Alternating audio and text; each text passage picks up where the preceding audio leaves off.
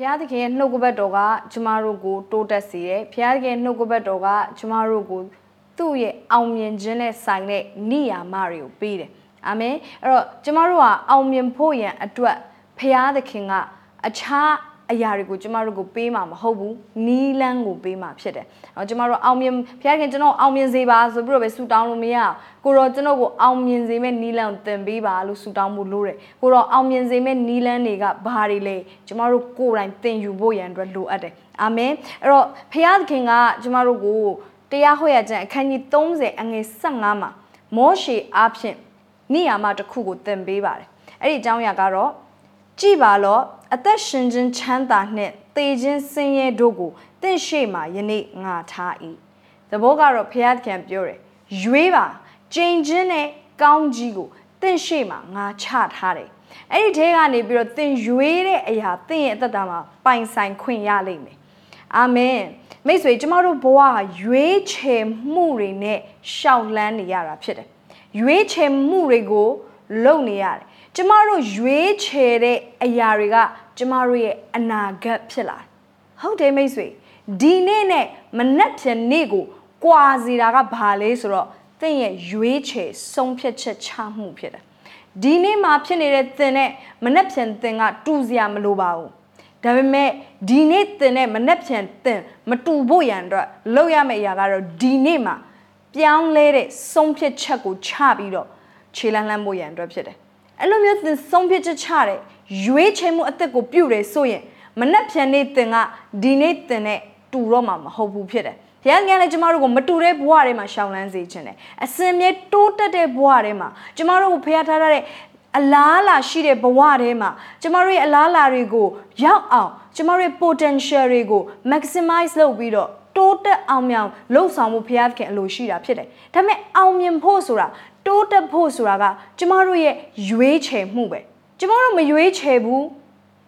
ကျမတို့ဘက်ကနေဆုံးဖြတ်ချက်မချဘူးကျမတို့ဘက်ကနေအောင်မြင်ဖို့ရန်အတွက်မရွေးချယ်ဘူးပြောင်းလဲဖို့ရန်အတွက်မရွေးချယ်ဘူးဆိုရင်အပြောင်းလဲတွေကသူ့အလိုလိုရောက်လာမှာမဟုတ်အောင်မြင်မှုတွေကသူ့အလိုလိုရောက်လာမှာမဟုတ်အဲ့ဒီနေ့မှာကျမတို့ရဲ့ဆုံးဖြတ်ချက်ရွေးချယ်မှုဘလောက်တောင်မှအရေးကြီးသလဲဆိုတာကျမတို့လေ့လာသွားမှာဖြစ်တယ်အဲ့ဒီပြင် ကျမတို့အဲ့ဒီဆုံးဖြတ်ချက်တွေကိုချတဲ့အခါမှာဘေးအရာတွေကလွှမ်းမိုးတဲ့အရာတွေလေဘေးဘေးအရာတွေကကျမတို့ရဲ့ဆုံးဖြတ်ချက်တွေကိုလွှမ်းမိုးတယ်လေအဲ့လွှမ်းမိုးတဲ့အရာတွေမှန်ကန်ဖို့ရန်အတွက်လဲကျမတို့ပြုပြင်ဖို့ရန်အတွက်လိုတယ်အာမင်အဲ့တော့ကျမတို့ကိုဖခင်ကမေးနေတယ်ဘာကိုရွေးချင်ပါလဲကောင်းကျိုးရွေးမလားအမင်္ဂလာကိုရွေးမလားသေခြင်းကိုရွေးမလားရှင်ခြင်းကိုရွေးမလားချမ်းသာကိုရွေးမလားဆင်းရဲကိုရွေးမလား အောင်မြင်ခြင်းကိုမရွေးမလားရှုံးနေခြင်းကိုရွေးမလားဒါကျမတို့ရဲ့နဲ့ပဲသက်ဆိုင်တယ်ဆိုတော့ဘုရားသခင်ပြောနေအာရနဲ့အေဝသူတို့ရဲ့ကြဆင်းခြင်းကိုပဲကြည်ပါအဲ့ဒါဘုရားခင်သူတို့ကြဆင်းစေတာမဟုတ်ဘူးသူတို့ကိုယ်တိုင်ရွေးချယ်ခဲ့တာအဲ့လူသားကိုဘုရားကဘလောက်ပဲချစ်ချစ်လူသားကိုဘလောက်ပဲအောင်မြင်စေခြင်းပါစေလူဘက်ကနေပြီးတော့ရွေးချယ်မှုကိုဘုရားကအမြဲ respect လုပ်တယ်ဆိုတာကျွန်တော်တို့တွေ့ရတယ်ဘုရားကလူသားကိုရွေးချယ်ခွင့်ပေးတယ်ဆိုတာတွေ့ရတယ် အမေဆိုမှန်ကန်စွာရွေးချယ်ဖို့လိုတယ်အာမင်ကျမတို့မှာရွေးချယ်ဖို့ရန်အတွက်တာဝန်ရှိတယ်100%သင်ရဲ့အနာဂတ်နဲ့ပတ်သက်ပြီးသင်မှာတာဝန်ရှိတယ်ဆိုတာလက်ခံဖို့ရန်အတွက်ပထမဦးဆုံးအဆင့်အနေနဲ့လိုအပ်တယ်အချို့ကတော့ဘာသာရေးဆန်တဲ့လူတွေကတော့ကျမတို့အထင်လွဲကောင်းလွဲလိမ့်မယ်ဟာငါရဲ့အနာဂတ်ကငါနဲ့ဆိုင်တယ်ဟုတ်လားမဟုတ်ပါဘူးဖရာသခင်နဲ့ပဲဆိုင်တာပါဖရာသခင်ပဲငါရဲ့အနာဂတ်ကိုအားလုံးလုပ်ပေးမှာဖရာလိုလို့ရှိရင်ငါအောင်မြင်မှာပေါ့ဖရာလိုလို့ရှိရင်ငါကြီး ထွားလာမှာပေါ့စသဖြင့်လူချိုးတွေကပြောတတ်တယ်ဒါပေမဲ့မိတ်ဆွေသိလားသူတို့မသိတဲ့အရာတစ်ခုကလေဖရာသခင်ကကျမတို့ကိုလေတာဝန်ယူခိုင်းတယ်ဆိုတာသူတို့မသိကျမတို့အောင်မြင်ဖို့ရန်အတွက်ဖရာသခင်လှုပ်ပေးတာတော့မှန်တယ်ဒါပေမဲ့ဖရာသခင်ကအောင်မြင်ဖို့ရန်အတွက်သူ့နေရာမတွေကိုလိုက်ခိုင်းတယ် အဲ့ဒါကိုနားထောင်မလားနားမထောင်ဘူးလားကျမတို့ကရွေးချယ်ရတယ်အာဗြဟံကိုဖယားသခင်အောင်မြင်စေခြင်းနဲ့အဲ့မဲ့ဖယားသခင်ရဲ့နေရာမှာဖြစ်တဲ့သင်နေရင်ပြည်တွေကထွက်ငါပြလက်တန်သောပြည်ကိုသွားဆိုတဲ့ instruction ကိုအာဗြဟံလိုက်မလားမလိုက်ဘူးလားဖယားစကားနားထောင်မိသက်ရှင်မလားနားမထောင်မိသက်ရှင်မလားအာဗြဟံရွေးချယ်ရတယ်ဆုံးဖြတ်ရတယ်အဲဒါမို့သင်အနာဂတ်နဲ့ပတ်သက်ပြီးသင်မှာတာဝန်ရှိတယ်အာမင်သင် ဖယားသခင်ရဲ့ဇကားကိုနားထောင်ဖို့ရန်အတွက်ရွေးချယ်ရတယ်ဆူတောင်းဖို့ရန်အတွက်ရွေးချယ်ရမယ်ဖခင်ရဲ့အစေကိုခံဖို့ရန်အတွက်ရွေးချယ်ရမယ်မှန်ကန်တဲ့ဖခင်သခင်ရဲ့နိယာမတွေကိုလိုက်နာဖို့ရန်အတွက်ရွေးချယ်ရမယ်သင်ရဲ့အနာဂတ်နဲ့ပတ်သက်ပြီးသင်မှာတာဝန်ရှိတယ်ပြောပါငါမှာတာဝန်ရှိတယ် တာဝန်မဲ့တဲ့လူလိုမျိုးမနေပါနဲ့ have the sense of responsibility တာဝန်ရှိတယ်ဆိုတော့ကိုယ့်ကိုယ်ကိုသိပါအဲ့ဒါဆိုရင်သင်ကစတင်ပြီးတော့ရွေးချယ်မှုတွေကိုငါလုပ်ရမှာပါလားဆိုတော့ idea သင်ရဲ့အထဲကိုရောက်လာလိမ့်မယ်ငါရွေးချယ်ရမယ်နေ့ရက်တိုင်းမှာအောင်မြင်ဖို့ရန်အတွက်မှန်ကန်တဲ့ဆုံးဖြတ်ချက်တွေကိုငါချကိုချရမယ်နေ့ရက်တိုင်းမှာငါတိုးတက်ဖို့ရန်အတွက်မှန်ကန်တဲ့ရွေးချယ်မှုတွေကိုငါလုပ်ကိုလုပ်ရမယ်ဆိုတာသင်သိလာလိမ့်မယ်အဲဆိုကျမတို့ရဲ့ဘဝကိုကျမတို့ကနေခြင်းသလိုနေအစင်ပြေသလိုသွားအခြေအနေတွေရဲ့ရိုက်ခတ်မှုတွေထဲမှာမျောပါပြီးတော့စိတ်မကောင်းရင်မကောင်းသလိုအိယာပေါ်မှာပဲခွေနေမယ်ဟလာခံစားချက်မကောင်းရင်မကောင်းသလိုဘာမှမလုပ်ဖဲနဲ့နေမယ်အဲ့လိုမျိုးပုံစံနဲ့ကျမတို့သွားတော့မှာမဟုတ်တော့ကျမတို့ရဲ့နေ့ရက်တိုင်းကရွေးချယ်မှုတွေနဲ့သွားတဲ့အသက်တာဖြစ်လာလိမ့်မယ်ဟာလေလုယာအာမင်အဲ့တော့မိတ်ဆွေကျမတို့ရဲ့ဆုံးဖြတ်ချက်တိုင်းကအရေးကြီးတယ်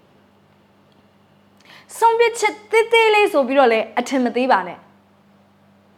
ကျမတို့ရဲ့ဆုံးဖြတ်ချက်သေးသေးလေးတွေကဘင်းလဲကြီးမားတဲ့အပြောင်းအလဲတွေကိုဖြစ်စေနိုင်တယ်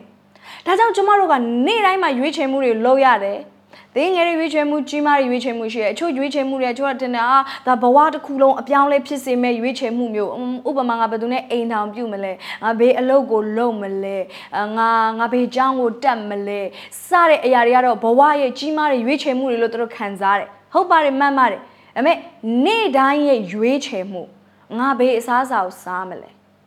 ငါဘေးအစားအစာမစားဘူးလေငါဘသူနဲ့ စကားများများပြောမလဲငါဘယ်သူနဲ့စကားမပြောဘူးလေငါဘေးဖះเจ้าမှာတက်မလဲစတဲ့နေ့တိုင်းရဲ့ရွေးချယ်မှုတွေကိုကြတော့အရေးမကြီးဘူးလို့ထင်ကြ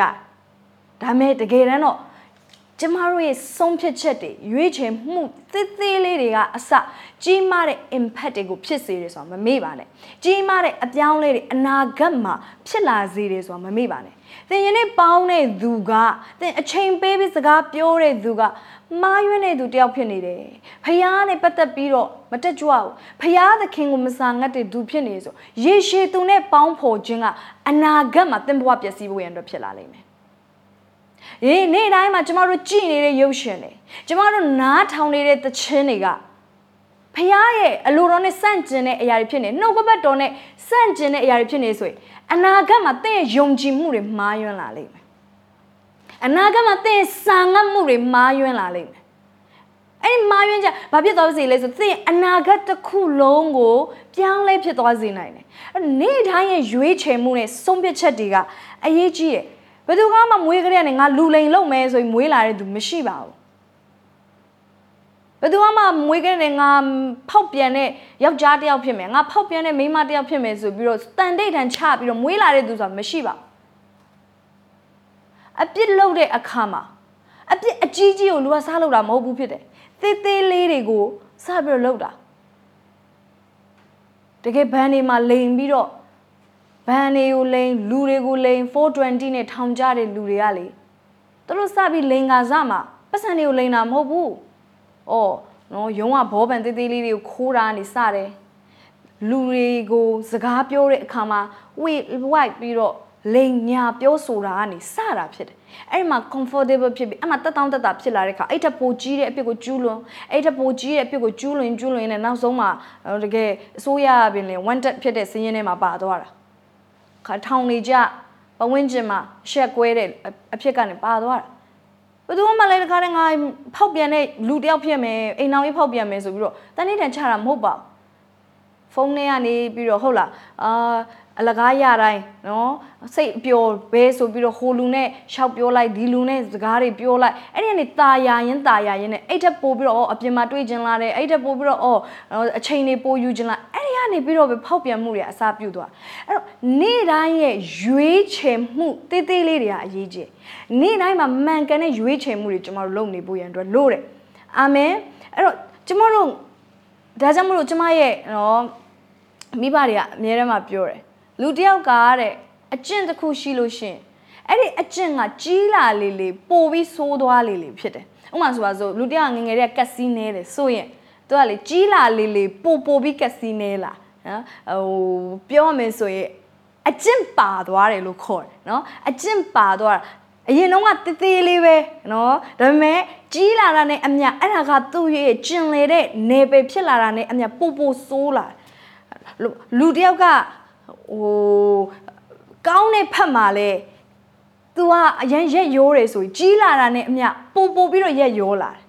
နော်အပင်တပင်ကစိုက်တဲ့အခါမှာမျိုးစေ့လေးတစ်စေ့ပဲဒါပေမဲ့စိုက်ပါကြာလာတဲ့အခါမှာဖြစ်တာအပင်ကြီးတပင်လုံးကြီးလာတယ်လို့ပေါ့လူရဲ့အကျင့်တွေလူရဲ့လှုပ်ဆောင်မှုတွေ နှလုံးသားတွေယုံကြည်ခြင်းတွေအားလုံးကကျမတို့ရွေးချယ်မှုတွေပဲဖြစ်တယ်အဲရွေးချယ်မှုသေးသေးလေးကနေပြီးတော့အဲ့ဒါကိုမှန်မှန်ကန်ကန်ကျမတို့စိုက်ပျိုးရဆိုရင်အဲ့ဒီကောင်းတဲ့အရာအကြီးကြီးကျမတို့ပြန်ရိတ်သိမ်းရအဲ့မဲ့ကျမတို့မားရွံ့တဲ့အရာကိုစိုက်ပျိုးထားတယ်ဆိုရင်မားရွံ့တဲ့အရာအကြီးကြီးကျမတို့အနာဂတ်မှာပြန်ပြီးတော့ရိတ်သိမ်းရမှာဖြစ်တယ်ကျမတို့ကဟိုတကယ်ကောင်းတဲ့ရွေးချယ်မှုတွေကိုပဲ အခုကလေးကနေအစပြုတ်ဖို့ရန်အတွက်အားပေးပြစေငါနောက်မှပဲပြုတ်ပြင်မယ်ဆိုတာမျိုးမလုပ်ပါနောက်မှဆိုပိုကြီးသွားပိုပြီးတော့ဖြက်ရခတ်သွားပြီပြုတ်ပြင်ရပိုပြီးတော့ခတ်သွားပြီအခုချိန်ကကျမတို့ပြုတ်ပြင်မှုရန်အတွက်အကောင်းဆုံးချိန်ဖြစ်တယ်မှန်ကန်တဲ့ဆုံးဖြတ်ချက်နဲ့ရွေးချယ်မှုတွေကိုစတင်ဖို့ရန်အတွက်အကောင်းဆုံးချိန်ဖြစ်တယ်အဲကျမတို့ရွေးကျမတို့အနာဂတ်နဲ့ပတ်သက်ပြီးဆုံးဖြတ်ရတဲ့အခါမှာနံပါတ်1အနေနဲ့ကျမတို့ဘသူ့ကိုကိုးကွယ်မလဲဆိုတာကျမတို့ဆုံးဖြတ်ရတယ် ဘသူ့ကိုကိုးကွယ်မလဲဘသူ့ကိုအစီခံမလဲဆိုတာကျမတို့ဆုံးဖြတ်ရတယ်အဲကျမတို့ယေရှုကိုပင်လေယုံကြည်ဖို့ရန်အတွက်ကကျမတို့ရွေးချယ်ရတယ်ယောရှုမဆာခန်းကြီး24မှာယောရှုကဣသရေလလူတွေကိုပြောတယ်သူပြောတဲ့စကားเนาะအငယ်15 18မှာသို့မဟုတ်ထာဝရဖရာအဝတ်မပြုတ်ကောင်းဟုသင်တို့ထင်လင်မြစ်ကြီးတစ်ဖက်၌ဘိုးဘေးတို့ဝတ်ပြုတ်သောဖရာ သင်တို့နေရာအာမောရိပြည်သားတို့၏ဖျားများတွေအဘယ်မေသောဖျားတို့အားဝစ်ပြုမိကိုအရာကိုယနေ့ရွေးကြလော့ငါနဲ့ငါအိမ်သားဖြစ်လင်သာရဖျားကိုသာဝစ်ပြုမိဟုဆိုလေတော့လူများတို့ကအခြားတစ်ပါးသောဖျားဝစ်ပြုခြင်းကသာရဖျားကိုစွန့်ပစ်သောအမှုသည်ကျွန်ုပ်တို့နှင့်ဝေးပါစေတော့ငါတို့၏ဘုရားခင်သာရဘုရားသည်ကျွန်ခံနေရအေဂုတို့ပြည်မှအဘတို့နှင့်ငါတို့ကိုနှုတ်ဆောင်၍ကြီးစွာသောနမိတ်လက္ခဏာနှင့်ငါတို့ကိုမျက်မှောက်၌ပြုတော်မူပြီ။ သွားလျရရအရက်ရှောက်လျရရလူမျိုးတို့တွင်စောင့်မတော်မူပြီဒါဝရဘုရားသည်ဤပြည်၌နေသောသူအာမောရိလူအပေါင်းတို့ကိုငါတို့ရှေ့မှနှင်ထုတ်တော်မူပြီဒါဝရဘုရားအားဝတ်ပြုပါမည်ထိုဘုရားသည်ငါတို့ဘုရားသခင်ဖြစ်တော်မူသည်ဟုပြန်ပြောကြ၏အာမင်အဲ့ဒီမှာယောရှုကဣသရေလလူတွေပြောတဲ့အခါမှာရှင်းရှင်းလေးပဲပြောတယ်အကယ်လို့ဘုရားကမင်းတို့ဝတ်ပြုဖို့ရတော့မထိုက်တန်ဘူးဆိုရင်ဘုရားသခင်ဝတ်မပြုနဲ့မြစ်တစ်ဖက်ကဘုရားတွေအာမောရိဘုရားတွေက ဖရာသခင်နဲ့ပိုကောင်းတယ်လို့မင်းတို့မြင်နေဆိုရင်အဲ့ဒီဖရာတွေကိုပဲကိုးကွယ်ပါဒါပေမဲ့ငါနဲ့ငါရဲ့မိသားစုကတော့သာရဖရာကိုသာကိုးကွယ်မယ်သာရဖရာရဲ့အစေကိုသာခံမယ် Me and my household shall serve the Lord သာရဖရာရဲ့အစေကိုပဲငါတို့မိသားစုကတော့ခံမယ်ဒီမှာယောရှုကလေလူတွေကိုသွေးဆောင်တဲ့စကားမပြောသူပြောတဲ့စကားအကယ်လို့တဲ့မင်းတို့ဖရာသခင်ကိုဝတ်မပြုတ်ကောင်းဘူးလို့မြင်နေဆိုရင်တဲ့ အဲ့ကျမတို့သိဖို့ရန်အတွက်လို့တယ်ဒီရွေးချယ်ရမယ်ဖျားသခင်ကိုးကွယ်မှာလားလောကကိုကိုးကွယ်မှာဟိုလိုလိုဒီလိုလိုတော့မလုပ်နဲ့ဟိုလိုလိုဒီလိုလိုနဲ့ဂျားထဲမှာဘာကိုမှမရွေးချယ်ပဲနဲ့နေမယ်ဆိုရင်ဘာမှမရပဲဖြစ်သွားလိမ့်မယ်โอเคဘာရွေးချယ်မှုမှမရှိတဲ့လူကဘာမှမရလာနိုင်ဘာဆုံးဖြတ်ချက်မှမချတဲ့လူကအနာဂတ်မှာလည်းဘာမှဖြစ်လာစရာအကြောင်းမရှိဘူး အဲ့ဖယားသခင်ကိုကိုးကွယ်မလားလောကကိုးကွယ်မလားအကယ်လို့ဖယားသခင်ကဒီလောကလောက်တော့မထိုက်တန်ဘူးလို့သင်မြင်နေဆိုရင်အသွေးသွင်းပြီးအသက်ပေးတဲ့ဖယားကသင်ရဲ့အလုပ်လောက်တော့မှအရေးမကြီးဘူးလို့သင်မြင်နေဆိုရင်အဲလောကကိုပဲကိုးကွယ်လိုက်ပါဖယားသခင်သင်ဖယားလို့မခေါ်နဲ့တော့အချို့လူတွေကဖယားလို့လို့လောကလို့လို့ဘယ်ဟာသူတို့ဖယားမှန်သူတို့အမှန်မသိကြယေရှုရောကေတင်ပိုင်ရှင်ဖြစ်ယုံကြည်ထားတယ် ဒါပေမဲ့ယေရှုကသူတို့ရဲ့သခင်မဟုတ်ယေရှုကသူတို့ဘဝမှာအရှင်သခင်မဟုတ်ဖျားနေရမှာမရှိကျမတို့ဒီရွေးချယ်မှုဆိုတာဟာအမြဲတမ်းမှာ option ရှိတယ်။တဘောကတော့တစ်ခုမဟုတ်နောက်တစ်ခုရှိတယ်။ဒါကြောင့်မို့လဲရွေးချယ်ရတာ။ဘာမှရွေးစရာမရှိတော့ရွေးချယ်မှုလို့မခေါ်တော့ဘူးလေ။ဟုတ်လား။ရွေးချယ်မှုဆိုတာအမြဲတမ်း option ရှိတယ်။ alternative ရှိတယ်။ဒါမှမဟုတ်ဒါဆိုတာရှိတယ်။ အဲ့ဒီလိုမျိုးအရာတွေထဲမှာမိတ်ဆွေကျမအားပေးခြင်းတာဘာမှမရွေးဘဲနဲ့တော့မနေနဲ့အာမင်ဖယားသခင်ကိုရွေးမလားလောကကိုရွေးမလား analyze လုပ်ပါကြည့်ကြည့်ပါဖះကကေတင်တာလားလောကကေတင်တာလားဖះအသက်ပေးတာလားအဲ့ဒီမိတ်ဆွေတွေကတင့်ကိုအသက်ပေးတာလားကျမတို့ကတခါတလေကျရင်အာမနာတဲ့သူတွေကိုဖះသခင်ထပ်ပို့ပြီးအာနာနေရတယ်ရှိတယ် အိုးတထေးကကျွန်တော်အပေါ်မှာအရင်ကောင်းတော့သူ့ကျွန်တော်အားလာလို့ဖះเจ้าမတက်ဖဲနဲ့နေလိုက်တယ်အဲ့ဒီတတိယအတင်းအတင်းတို့အသက်ပေးတာမဟုတ်ဘူးတင်တို့တို့အလုပ်လုပ်ပေးလို့တင်းကိုလာခပေးနေတာဖြစ်တယ်ဒါပေမဲ့ကျမတို့ကအဲ့ဒီအလုတ်ရှင်ကဖရာသခင်ထပ်ပို့ပြီးသူ့ကိုယ့်အပေါ်မှာကောင်းတယ်လို့မျိုးခံစားအဲယောရှုရှင်းရှင်းလေးပဲမေးဒါပေမဲ့မင်းတို့ရွေးတော့ရွေးချယ်ရမယ်ဘာမှမရွေးချယ်ဘဲနဲ့ဟိုလိုလိုဒီလိုလိုတော့ဂျားထဲမှာမနေနဲ့ ငါတို့ဘေဖះမှမကိုးကွယ်ဘူးလို့လာမပြောနဲ့တခုခုတော့တင်းနေကျမကိုးကွယ်နေရဖြစ်တယ်ဒါရဖះလားအလုတ်လားကျမတို့အာငွေကြေးတွေလားဘာတွေလဲကျမတို့ပို့ပြီးတော့ဦးစားပေးတဲ့အရာလူကိုနိုင်သောအရာကလူရဲ့ဖျားဖြစ်တယ်လို့ပြောတယ်ရှင်ပေတရုဩဝါဒစာမှာအဲ့သင်ကဘာနိုင်နေလဲဘေးအရာကထိုက်တန်လဲဘေးအရာကတကယ်ဖျားလဲဘယ်သူကပို့ပြီးတော့ကြီးမြတ်လဲ ဒါတော့ဣသရေလလူတွေကအဲ့မှာ analyze လုပ်ရသူတို့စင်ချင်းတယ်ငါတို့ရဲ့ရှေ့မှာအာမောတဲ့လူတွေကိုတော့နှင်ထုတ်ပေးတဲ့ဖျားကငါတို့ကိုယ်ဝယ်တဲ့ဖျားဖြစ်တယ်ဟာလေလုယာအာမင်ဟုတ်တယ်လေအာမောတဲ့လူတွေကိုးကွယ်တဲ့ဖခင်ကသူတို့မကယ်နိုင်လို့ငါတို့ရှိမှရှုံးတာအဲ့ဒီဖခင်ကိုငါတို့ကပြန်အဲ့ဒီဖခင်ငါတို့သွားပြီးကိုးကွယ်တယ်ဆိုရင်တော့ငါတို့လောက်မိုက်မဲတဲ့သူမရှိတော့အာမင်အချို့လူတွေကိုကိုလူမိုက်မှမသိ အဲ့ကျမတို့မှန်ကန်တဲ့အရာကိုရွေးချယ်ဖို့လို့မှန်ကန်တဲ့ဖခင်ကိုကိုးကွယ်ဖို့ရန်အတွက်လိုတယ်မှန်ကန်တဲ့ဖခင်ရဲ့အစေကိုခံဖို့ရန်အတွက်လိုတယ်ဘသူရဲ့အစေကိုသင်ခံပါလဲဘာအတွက်သင်အသက်ရှင်ပါလဲကျမတို့ကအစေခံပြီးတော့အသက်ရှင်နေကြတာဖြစ်တယ်အချို့ကကိုယ့်အတွက်ကိုအသက်ရှင်နေသူတွေရှိတယ်အချို့ကမိသားစုအတွက်အသက်ရှင်နေသူတွေရှိတယ်ဒီနေ့ဖယားသခင်ရဲ့အစေကိုခံပါယောရွှေဆုံးဖြတ်ချက်တော့ငါနဲ့ငါမိသားစုကတော့သာရဖယားရဲ့အစေကိုပဲခံမယ်အဲဆုံးဖြတ်ချက်ချပါ ရွေးချယ်ပါအတုနဲ့အစ်စ်ရှိတယ်အာအတုကတော့အရန်လှတဲ့ရောင်ရောင်ရှိရစိန်လက်စွပ်အတုကပို့ပြီးတော့เนาะစိန်တုံးကြီးရဒါပေမဲ့ဘာမှတန်ဖိုးမရှိဘူးအဲ့တော့အစ်စ်ကိုတင်ရွေးမလားစိန်လက်စွပ်အစ်စ်ကိုရွေးမလားအစ်စ်ကတော့တိတ်ပြီးတော့နော် perfect မဖြစ်ဘူးခတ်တင်တွေကနော်နည်းနည်းအာကျန်းတယ်ဘာကြောင့်မလို့လဲဆိုတော့အစ်စ်ဖြစ်နေတဲ့အတွက်အမေကျမတို့ကလေပိုလာတာပဲလိုချင်တယ်အတူကိုရွေးမလားအစ်စ်ကိုရွေးမလားတခုခုတော့ကျမတို့ရွေးကိုရွေးရမယ် ဘဝဟာဆုံးဖြတ်ချက်တွေနဲ့သွားတာဖြစ်တယ်ကျမတို့ရဲ့ကိုးကွယ်မှုနဲ့ကျမတို့ရဲ့အသက်ရှင်မှုအစေခံမှုကရွေးချယ်မှုနဲ့သွားတာဖြစ်တယ်အဲ့တော့နေ့တိုင်းမှာရွေးချယ်ပါနိုင်ငံတော်နဲ့ဖြောင်းမဲ့ခြင်းကိုရှေးဥစွာရှာပါလို့ပြောတယ်။သဘောကပါလေရွေးချယ်ရမယ်။ငါနေ့မနေ့မိုးလင်းတိုင်းမှာငါရဲ့အသက်ရှင်မှုနိုင်ငံတော်အတွက်ဖြစ်တယ်။ငါအတွက်ပဲမဟုတ်လူတွေအတွက်ပဲမဟုတ်ငါရဲ့အသက်ရှင်မှုနိုင်ငံတော်အတွက်ဖြစ်တယ်။အာမင်။နောက်ဒီအပြင်ဖေကသင်ရဲ့ကိုးကွယ်မှုနဲ့ပတ်သက်ပြီးရွေးရတယ်လို့ သင်ကိုယ်တင်နဲ့ပတ်သက်ပြီးတော့လည်းရွေးရမယ်။သင်ကိုယ်တင်နဲ့ပတ်သက်ပြီးတော့လည်းဆုံးဖြတ်ချက်ချရမယ်။ငါဘလို့လူဖြစ်မလဲ။နောက်လာမယ့်10နှစ်မှာဘလို့လို့ဖြစ်ဖို့တင်ဆုံးဖြတ်ချက်ချလဲဘာဖြစ်လို့လဲဆိုတော့တင်ဒီနေ့ဆုံးဖြတ်တဲ့အရာကနောင်လာမယ့်အနာဂတ်မှာမြင်ရမယ့်အရာဖြစ်တယ်အာမင်ဒီနေ့နဲ့မနေ့ပြန်နေ့ကိုပြောင်းလဲစေတာယနေ့ရဲ့ဆုံးဖြတ်ချက်ဖြစ်တယ်ဟုတ်လားခုနပဲကျွန်မပြောခဲ့အဲ့တော့ကျမတို့ အနာဂတ်မှာဖြစ်လာမယ့်သင်ကိုလည်းဒီနေ့ကလေးကနေရွေးချယ်ရမယ်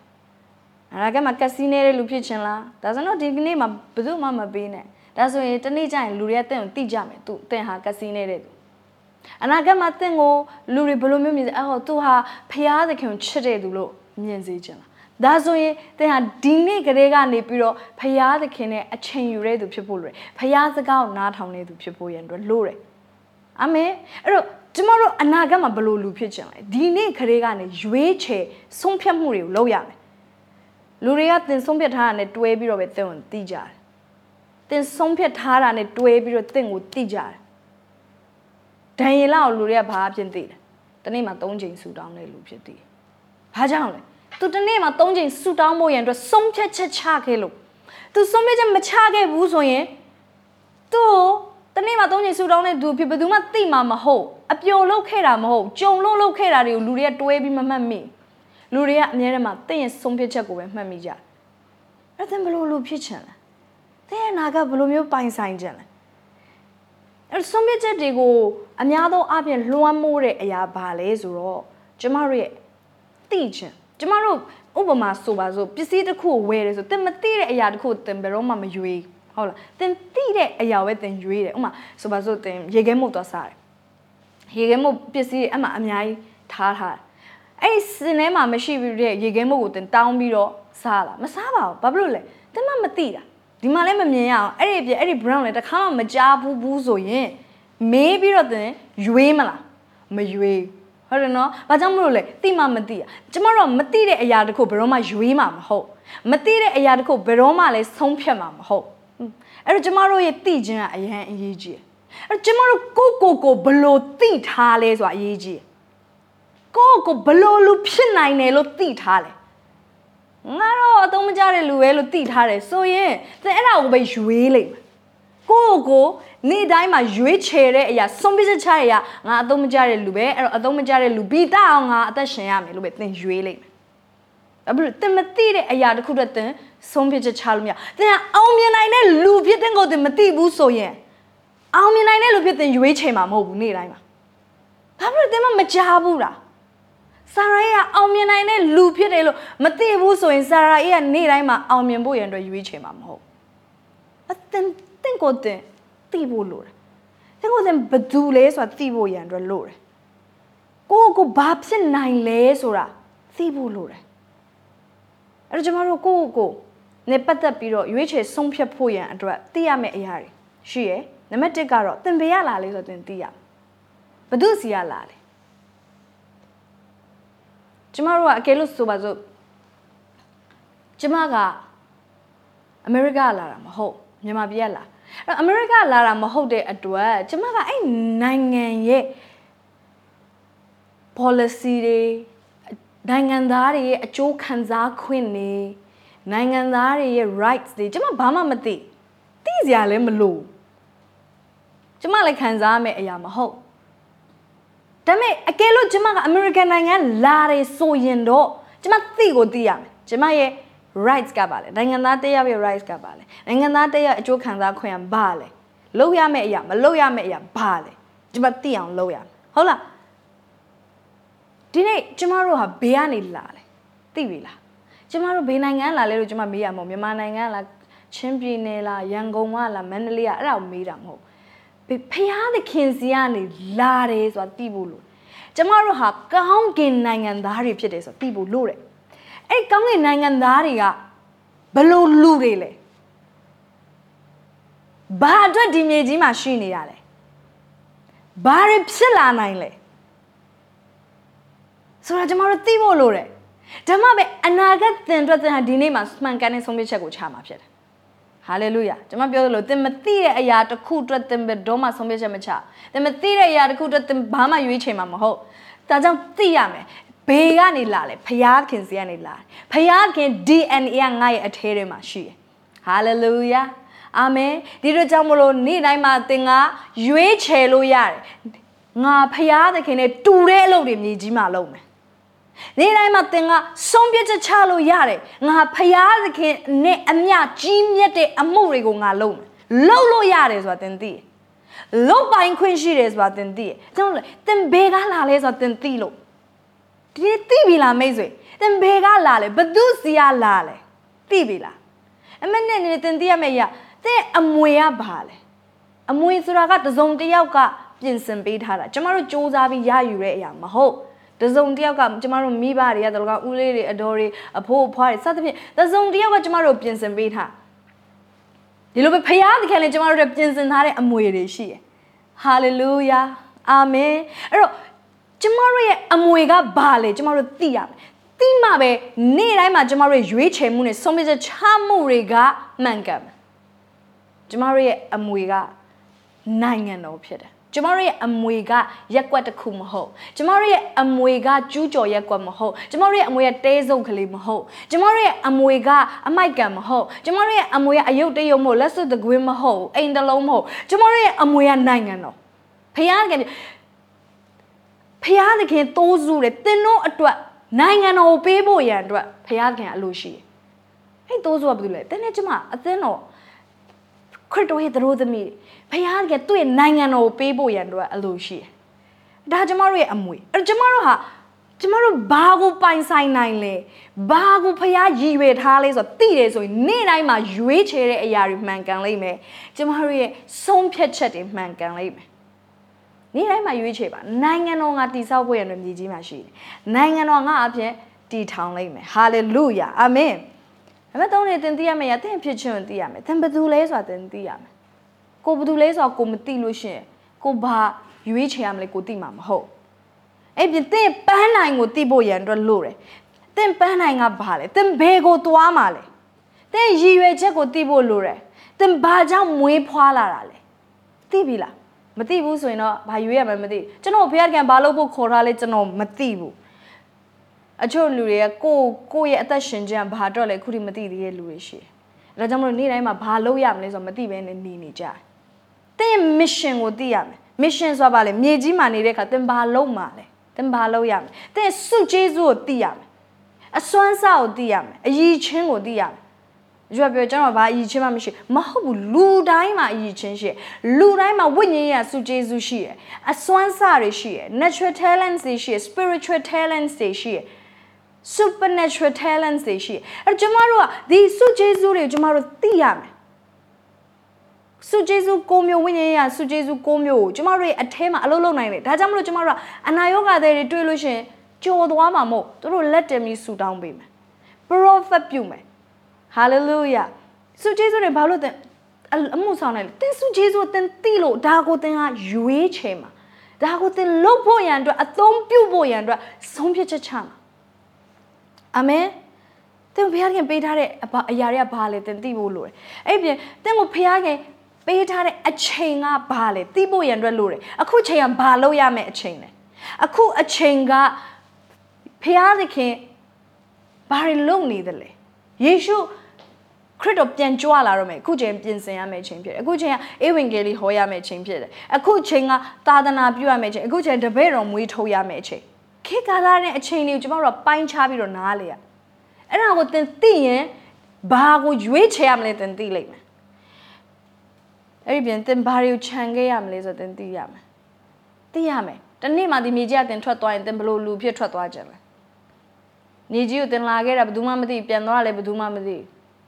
အဲ့လိုမျိုးတော့မဖြစ်ပါစေနဲ့ဒီမြေကြီးကိုသင်လာတာဟာတမိုင်းတစ်ကိုရေးသားဖို့ရန်အတွက်ဖြစ်တယ် သင်ရှိခြင်းအဖြစ်ထူးကြရမယ်သင်ရှိခြင်းအဖြစ်အပြောင်းလဲဖြစ်ရမယ်သင်ရှိခြင်းအဖြစ်ဖခင်ရဲ့နိုင်ငံတော်ဟာတိုးတက်ကြီးထွားလာရမယ်ဖခင်ကနိုင်ငံတော်ထဲမှာသင်ဟာအပြောင်းလဲကိုလုပ်ခဲ့တဲ့သူဖြစ်ရမယ်ဟာလေလုယာအဲ့အတွက်ဖခင်သင်ကိုထားထားတယ်အာမင်ဒါမဲ့ကျမတို့အဲ့ဒါမသိဘူးကျမတို့အပြောင်းလဲလုပ်ခဲ့ခြင်းနဲ့ရဘာလဲဆိုတော့မသိရင်နေ့တိုင်းကိုသင်ပို့ပင်မဲ့သက်ရှင်မယ်သူများလုပ်တယ်လို့ပဲလုပ်ပြီးတော့သူများနဲ့တန်းတူပဲအချိန်တွေကိုအကျိုးမဲ့ဆိုအသုံးပြုပြီးတော့သွားလိမ့်မယ် ဒါပေမဲ့သင်ဟာဘာအတွက်ဒီမြေကြီးမှာရှိနေတာလဲဘာတွေပြီးမြောက်အောင်လှုပ်ဆောင်ရမယ်ဆိုရက်ယူပါယုံရည်ရွယ်ချက်ရှိတယ်ဆိုတော့မှန်ကန်တဲ့ရွေးချယ်မှုတွေသင်လုပ်လိမ့်မယ်အဲ့တော့ရွေးချယ်မှုတွေအတွက်အရေးကြီးတာကသိခြင်း knowledge သိခြင်းကအရေးကြီးဒါပေမဲ့သိခြင်းဆိုတဲ့အခါမှာလဲဖရာသခင်ရဲ့အလိုတော်ကိုသိခြင်းကအရေးကြီးအာမင်အဲ့မိတ်ဆွေကျမတို့က အခုလက်ရှိအခြေအနေကတင်တဘဝလုံးအခြေအနေမဟုတ်အခုဟုတ်တယ်တင်ခက်ခဲကောင်းခက်ခဲနေမယ်အခုလက်ရှိကသူများနဲ့ဒန်းတူပဲသူများလိုမျိုးသူလိုကိုလိုအသက်တာတွေမှာပဲရှိနေတယ်ဒါပေမဲ့မိတ်ဆွေသိလားအဲ့ဒီလိုမျိုးပဲတစ်သက်လုံးတင်သွားကြရမလို့အပြောင်းလဲလုပ်လို့ရတယ်ပြောပါအောင်ငါဘဝအနာဂတ်ပြောင်းလဲနိုင်ငါဒီနေ့နဲ့မနေ့ဖြတ်မတူနောက်နှစ်နာပို့ပြီးတော့ထူးခြားလိမ့်မယ်နောက်10နှစ်မှာငါဟာအလွန်ထူးခြားတဲ့သူဖြစ်လိမ့်မယ်အာမင် အဲကျမတို့ကအခုနဲ့အနာဂတ်နဲ့တူစရာမလိုဒါပေမဲ့အဲ့လိုမတူဖို့ရန်အတွက်ကကျမတို့ဘက်ကနေပဲရွေးချယ်ရမှာကျမတို့ဘက်ကနေပဲဆုံးဖြတ်ချက်ချရမှာဘယ်တော့မှဆုံးဖြတ်ပေးလို့မရကျမတို့ရွေးချယ်ရမှာကျမတို့ဆုံးဖြတ်ရမှာပြောပါငါဒီနေ့နဲ့မနေ့ပြန်မတူချင်ထူးခြားရမယ်ဟာလေလုယာငါရဲ့ဒီနေ့ကမနေ့ကနဲ့မတူရပျောက်သောသားကသူ့အဖေအိမ်ကနေထွက်သွားပြီးတော့တခြားပြည်မှာသွားပြီးဒုက္ခရောက်တယ် သူ့ရဲ့အမွေတွေအားလုံးကိုသူသုံးပလိုက်တယ်ကုံသွားတဲ့အခါမှာအဲ့မြို့မှာရှိရဲ့ဝက်တွေကိုသူထိန်းရတယ်ဝက်ကြောင်းသားဖြစ်သွားတယ်ဝက်ကြောင်းတဲ့အခါမှာဘလောက်ဆင်းရဲဒုက္ခရောက်လဲဆိုဝက်စားတဲ့အပေးတောင်နေတော့သူစားချင်တယ်ဝက်နဲ့တောင်မှစကွက်လူပြီးတော့စားချင်တဲ့စိတ်ပေါက်တယ်အဲ့ဒီအချိန်မှာသူတတိယလာဘာလို့တတိယလဲဆိုငါအဖေအိမ်ကကျွန်းနေတောင်မှဒီထက်မကကောင်းတဲ့အစားအစာကိုစားရတယ် ငါဘာကြောင့်မလို့ဒီနေရာမှာနေနေရလဲလူချို့တွေကမသိဘူးကိုရပိုင်ခွင့်ကဘာလဲဆိုတာမသိတဲ့အတွက်ကြောင့်မို့လို့ဒုက္ခတွေ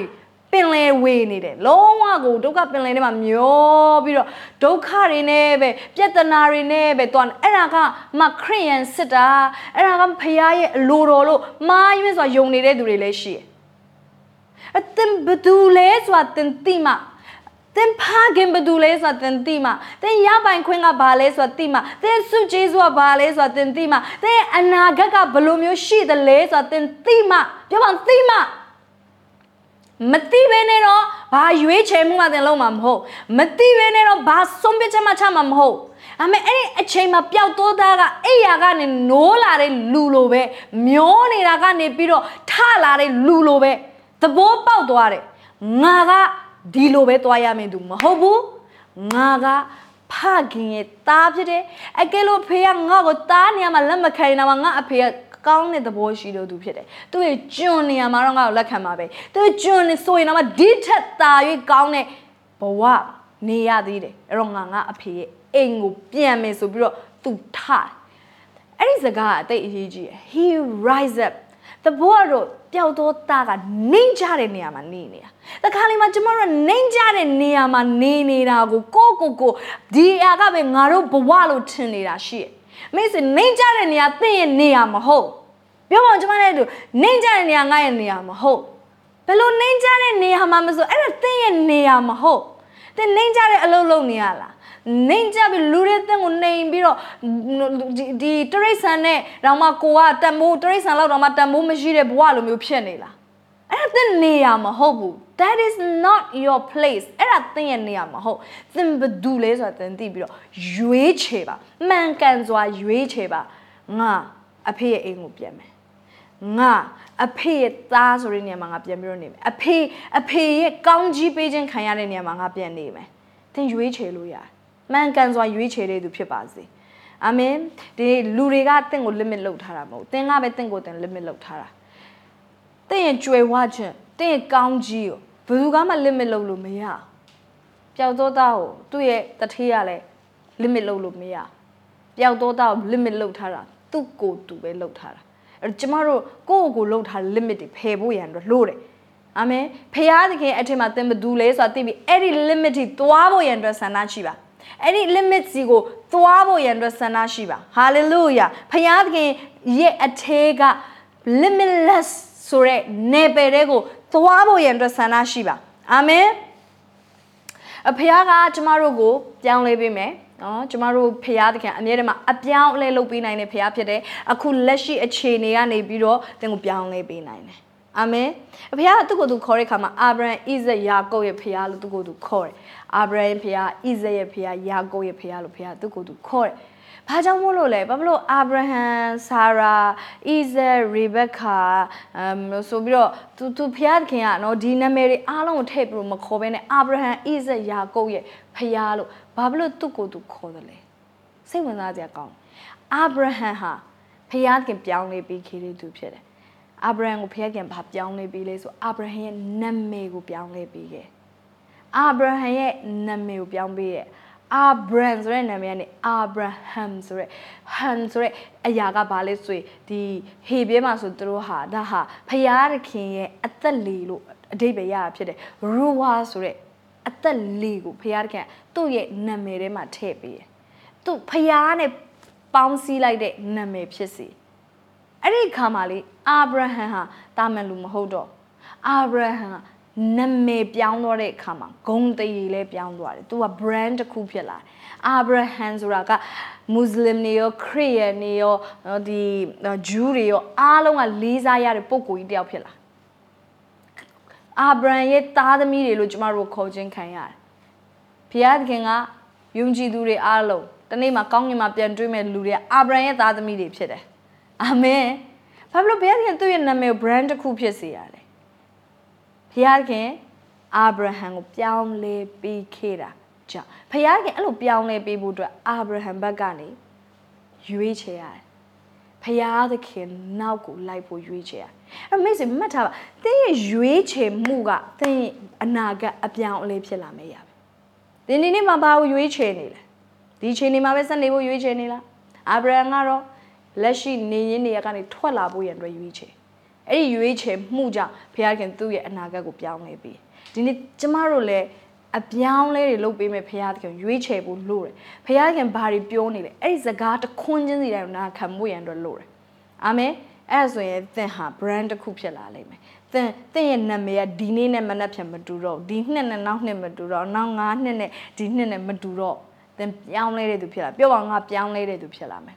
အမေလူတွေပြောင်းလဲပေးတာမဟုတ်ဘူးဖယားသခင်တင်ပြောင်းလဲပေးတယ်အမေအဲ့ဒီအတွက်သင်ကိုယ်တိုင်ကပြောင်းလဲနိုင်တယ်ဆိုတော့တည်ပြီးတော့ရွေးချယ်ဖို့ရန်လိုတယ်ဟာလေလုယာအမေနဲ့ဣဇက်ဣဇက်ဖယားခင်ကဣဇက်ရဲ့နေရာကိုပြောင်းလဲပေးဣဇက်ကအစတုန်းကဖိလိတိပြည်မှာနေရင်းနဲ့အစာခေါင်းပါမှုဖြစ်တော့ तू ကအေဂုရုပြည်ကိုသွားမလို့အဖျားကံပြောတယ်အိမ်မက်ထဲမှာလာပြောတယ်အေဂုရုပြည်ကိုမသွားနဲ့ဒီနေရာမှာပဲနေပါ အနေဣဇက်ကဖျားညွှန်ကြားတဲ့အတိုင်းပဲမျိုးစိကျဲတဲ့အခါဖိလိတိပြည်မှာတိုးပွားတယ်ဖျားသခင်ကသူ့ရဲ့နေရာကိုပြောင်းပေးတယ်သူ့ရဲ့ destiny ကိုပြောင်းပေးတယ်မိတ်ဆွေသိလားကျမတို့ကိုလည်းဖျားသခင်ကနေရာပြောင်းပေးမယ်ကျမတို့အခုရှိနေတဲ့နေရာနဲ့ကျမတို့မနှက်ပြန်နေရာနဲ့တူစရာမလိုဘူး ကျမတို့အခုလက်ရှိရထားတဲ့ကောင်းကြီးနဲ့အနာဂတ်ကောင်းကြီးနဲ့တူမှာမဟုတ်ဟာလေလုယာဘုရားကသင်ကိုပြောင်းပြောင်းလဲပေးမယ်သင်ရဲ့နေရာကိုပြောင်းလဲပေးနိုင်တဲ့ဘုရားသခင်ဖြစ်တယ်ဒါပေမဲ့ကျမတို့ဘက်ကနေအဲ့ဒါကိုယုံကြည်ပြီးတော့ရွေးချယ်ရမယ်ဆုံးဖြတ်ချက်ချရမယ်ငါဟာဖျားသခင်ရဲ့အလိုတော်ထဲမှာနေငါဟာတိုးပွားလိမ့်မယ်ငါရဲ့အောင်မြင်ခြင်းက limitless ဖြစ်မယ်အဲ့ဒါကိုကျမတို့ကရွေးချယ်ရမယ်ရွေးချယ်ရမယ်ဒီနေ့မှာစပြီးတော့ရွေးချယ်ပါပြောပါအောင်ကျမနဲ့တူငါ ကောင်းကြီးက limitless ဖြစ်တယ်ငါကောင်းကြီးက limitless ဖြစ်တယ် hallelujah amen နောက်တစ်ယောက်ယာကုပ်ယာကုပ်လည်းဘုရားသခင်ပြောင်းလဲပြီယာကုပ်ကကြတော့အကျင့်မကောင်းယာကုပ်ဟာအမြဲတမ်းမှာကိုအားကိုကိုပြီးတော့လိန်နေလဲတယ်ပတ်တယ်အဲ့လိုသွားခဲ့တဲ့လူတယောက် ယာကုပ်ဆိုတဲ့နာမည်ကလူလိန်လို့အဓိပ္ပာယ်ရတယ်ယာကုပ်ဆိုတဲ့နာမည်အဲကြောင့်ကိုသားသမီးလို့ယာကုပ်လို့အရင်မပေးကြနဲ့နော်ဟေပြဲလိုမျိုးဓာတ်ရိုက်အဓိပ္ပာယ်လူလိန်နဲ့အဲ့ဒါသူ့ရဲ့အမတ်သားသူကအကျင့်မကောင်းဒါပေမဲ့ဖယားခင်တညမှာတော့သူနဲ့အတူနှပန်းလုံးတဲ့အချိန်မှာယာကုပ်ရဲ့ပေါင်ချံကိုချိုးပြီးတော့ယာကုပ်ကိုပြောင်းလဲပြီးခဲ့ဒါပေမဲ့ယာကုပ်အသက်တာပြောင်းလဲသွားဖို့ရန်အတွက်သူ့ဘက်ကရွေးချယ်ရတဲ့အရာပါလေဖယားနဲ့ငါအချိန်ယူမယ် ငါ့ကိုဘုရားခင်ပြောင်းလဲပေးနိုင်တယ်ဘုရားခင်နဲ့ငါအချိန်ယူမယ်အာမင်ဒီမှာကိုယ့်ကိုယ်ကိုမပြောင်းလဲနိုင်တဲ့သူတွေဘယ်နှယောက်ရှိလဲအချို့လူတွေဟာလူငယ်ဘဝမှာတော့ကိုရွေးချယ်မှုတွေမားတယ်ဆုံးဖြတ်ချက်တွေမားတယ်အကျင့်မကောင်းတာတွေကိုလုပ်ခဲ့မိတယ်ငါမပြောင်းလဲနိုင်တော့ငါဒီဘဝနဲ့ပဲတစ်သက်လုံးသွားမယ်မထင်ပါနဲ့သင်ပြောင်းလဲနိုင်တယ်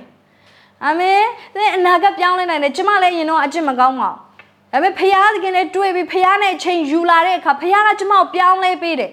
ဒီလိုပဲသင်လည်းပဲဖခင်ကပြောင်းလဲပေးနိုင်တယ်ဘလို့အကျင့်ဆိုးတွေရှိနေလဲဘလို့အပြောဆိုးတွေသင်မှာရှိနေသလဲဘုရားခင်ပြောင်းလဲပေးနိုင်ဒါပေမဲ့ကျမတို့ဘက်ကနေပြီးတော့ဆုံးဖြတ်ရမယ်ငါဖရားနဲ့အချိန်ယူမယ်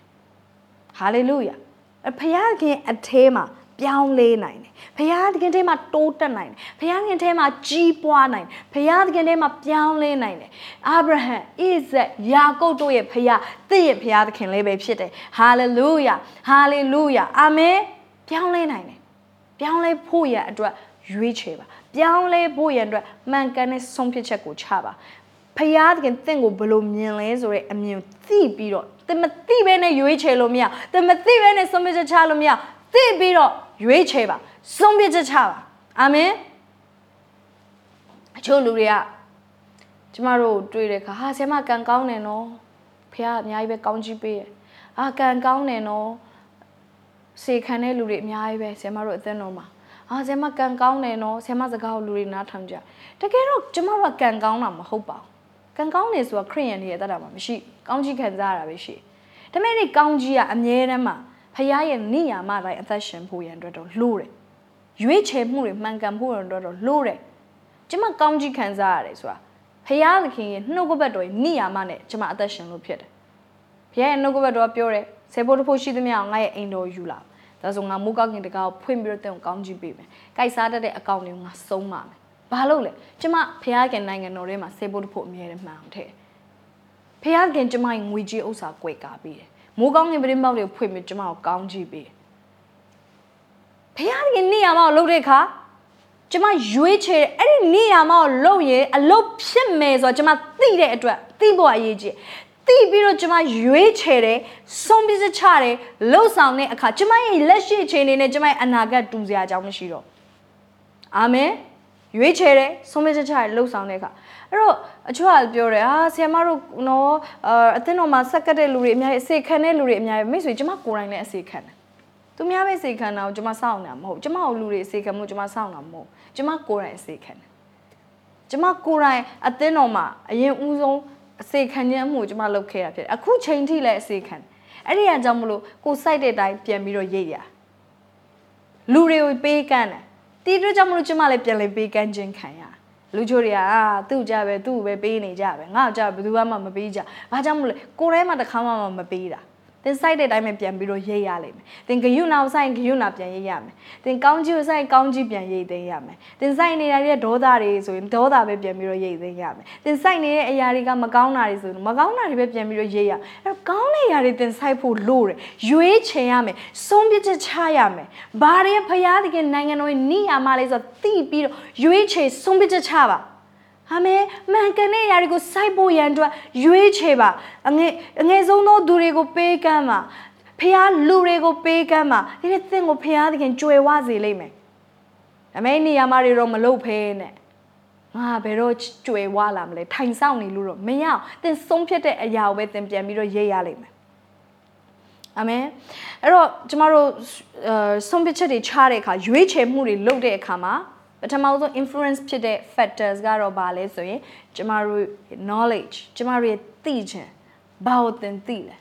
သင်ကိုယ်သင်ဘသူလဲဆိုတာသိပြီလားဖယားခင်ဘသူလဲဆိုတာသိပြီလားဖယားခင်နိုင်ငံတော်ရဲ့နေရာမှာကိုသင်သိပြီလားသင်မသိဘဲနဲ့တော့ရွေးချယ်မှုတွေကိုလုပ်နိုင်မှာမဟုတ်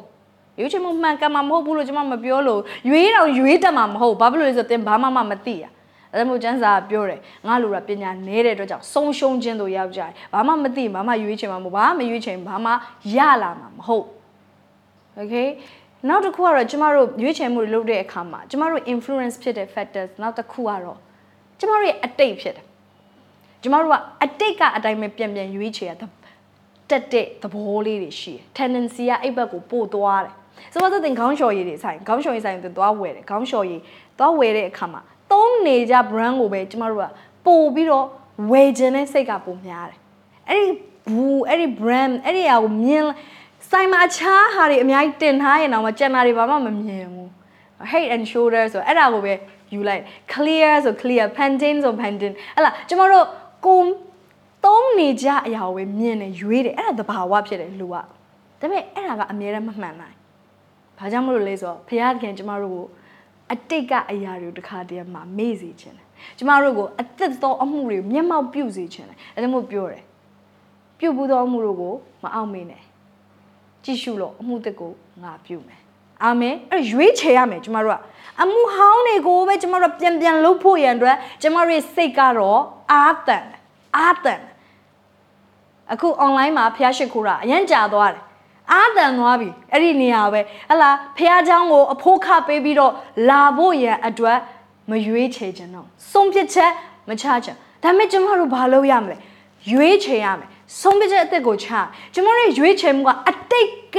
လွှမ်းမိုးမှုနဲ့မလုပ်ပါနဲ့ ကျမတို့ရဲ့ဆုံးဖြတ်ချက်ချမှုနဲ့ရွေးချယ်မှုတွေကအတိတ်ရဲ့လွှမ်းမိုးမှုနဲ့မလုပ်ဖဲနဲ့ဖယားသခင်ရဲ့လွှမ်းမိုးမှုနဲ့လုပ်ဖို့ရန်အတွက်လို့တယ်ယူပါယုံရဲ့လွှမ်းမိုးမှုနဲ့လုပ်ဖို့ရန်အတွက်လို့တယ်ယူပါယုံကဘာရှိလဲတဲ့ယူပါယုံကဘာလဲအဲ့ဒီယူပါယုံရဲ့လွှမ်းမိုးမှုနဲ့သွားပါဖယားသခင်ရဲ့လွှမ်းမိုးမှုနဲ့သွားပါနှုတ်ကပတ်တော်ရဲ့လွှမ်းမိုးမှုနဲ့သွားပါဟာလေလုယာသင်ကိုသင်သင်က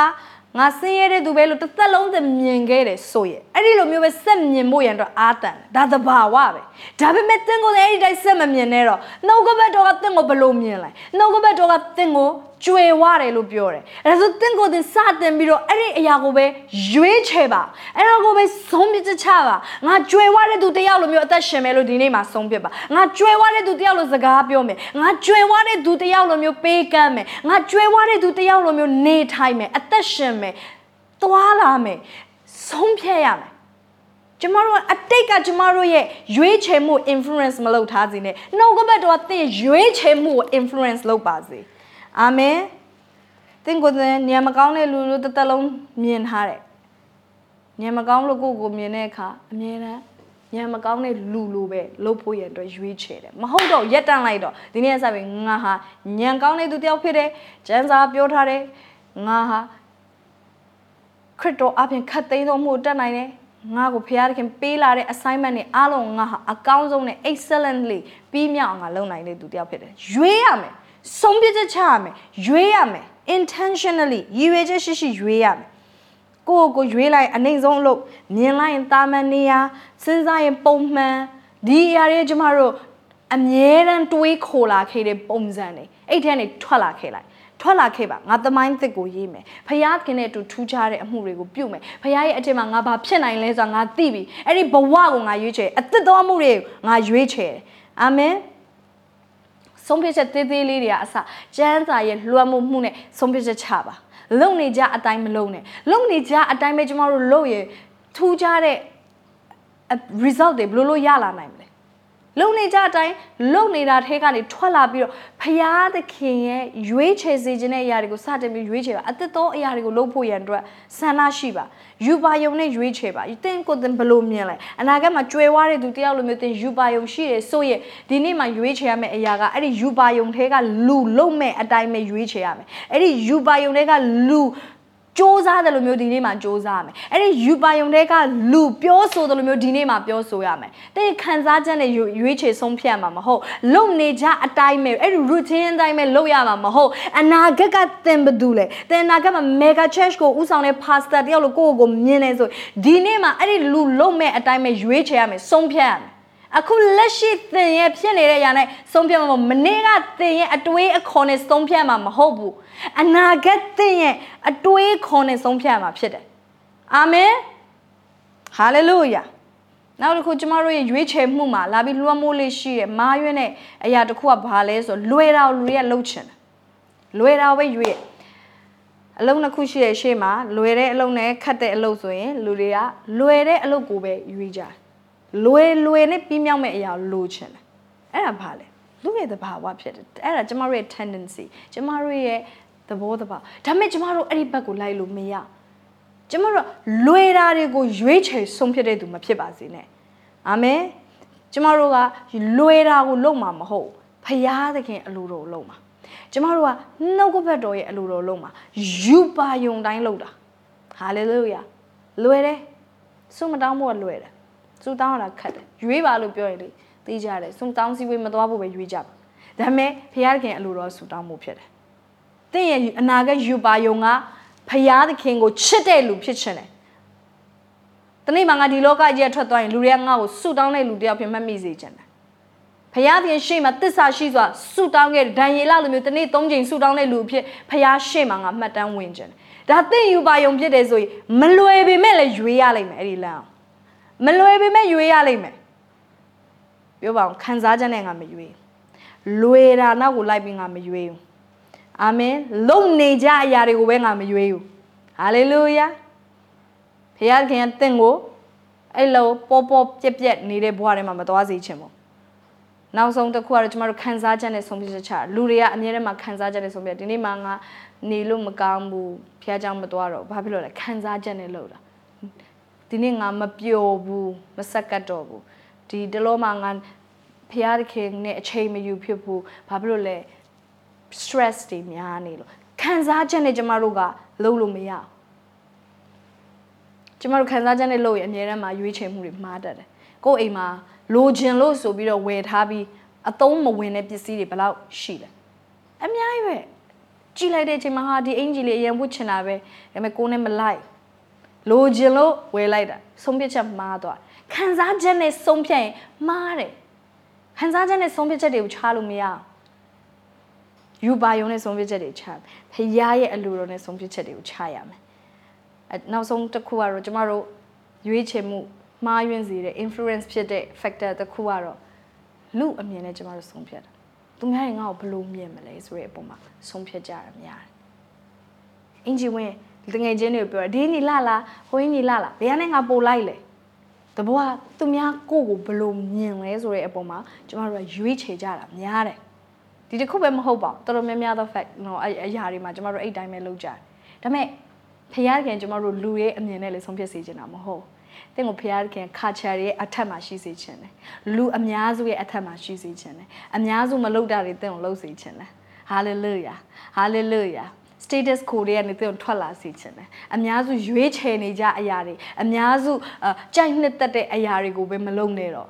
ဖယားကတဲ့ဖိုင်အိုနီယာဖြစ်စေချင်တယ်ရှေ့ကနေဥဆောင်ပြီးတော့အသက်တော်အမှုတွေကိုပြုရတဲ့သူဖြစ်စေချင်တယ်တန်ရှင်တော်ဝိညာဉ်တော်ပေးတဲ့ဉာဏ်ပညာနဲ့တာ၍ထူးခြားတဲ့အရာတာမန်ဆိုတဲ့နေရာကနေပြီးတော့တာလွန်တဲ့ဘဝကိုလာခဲ့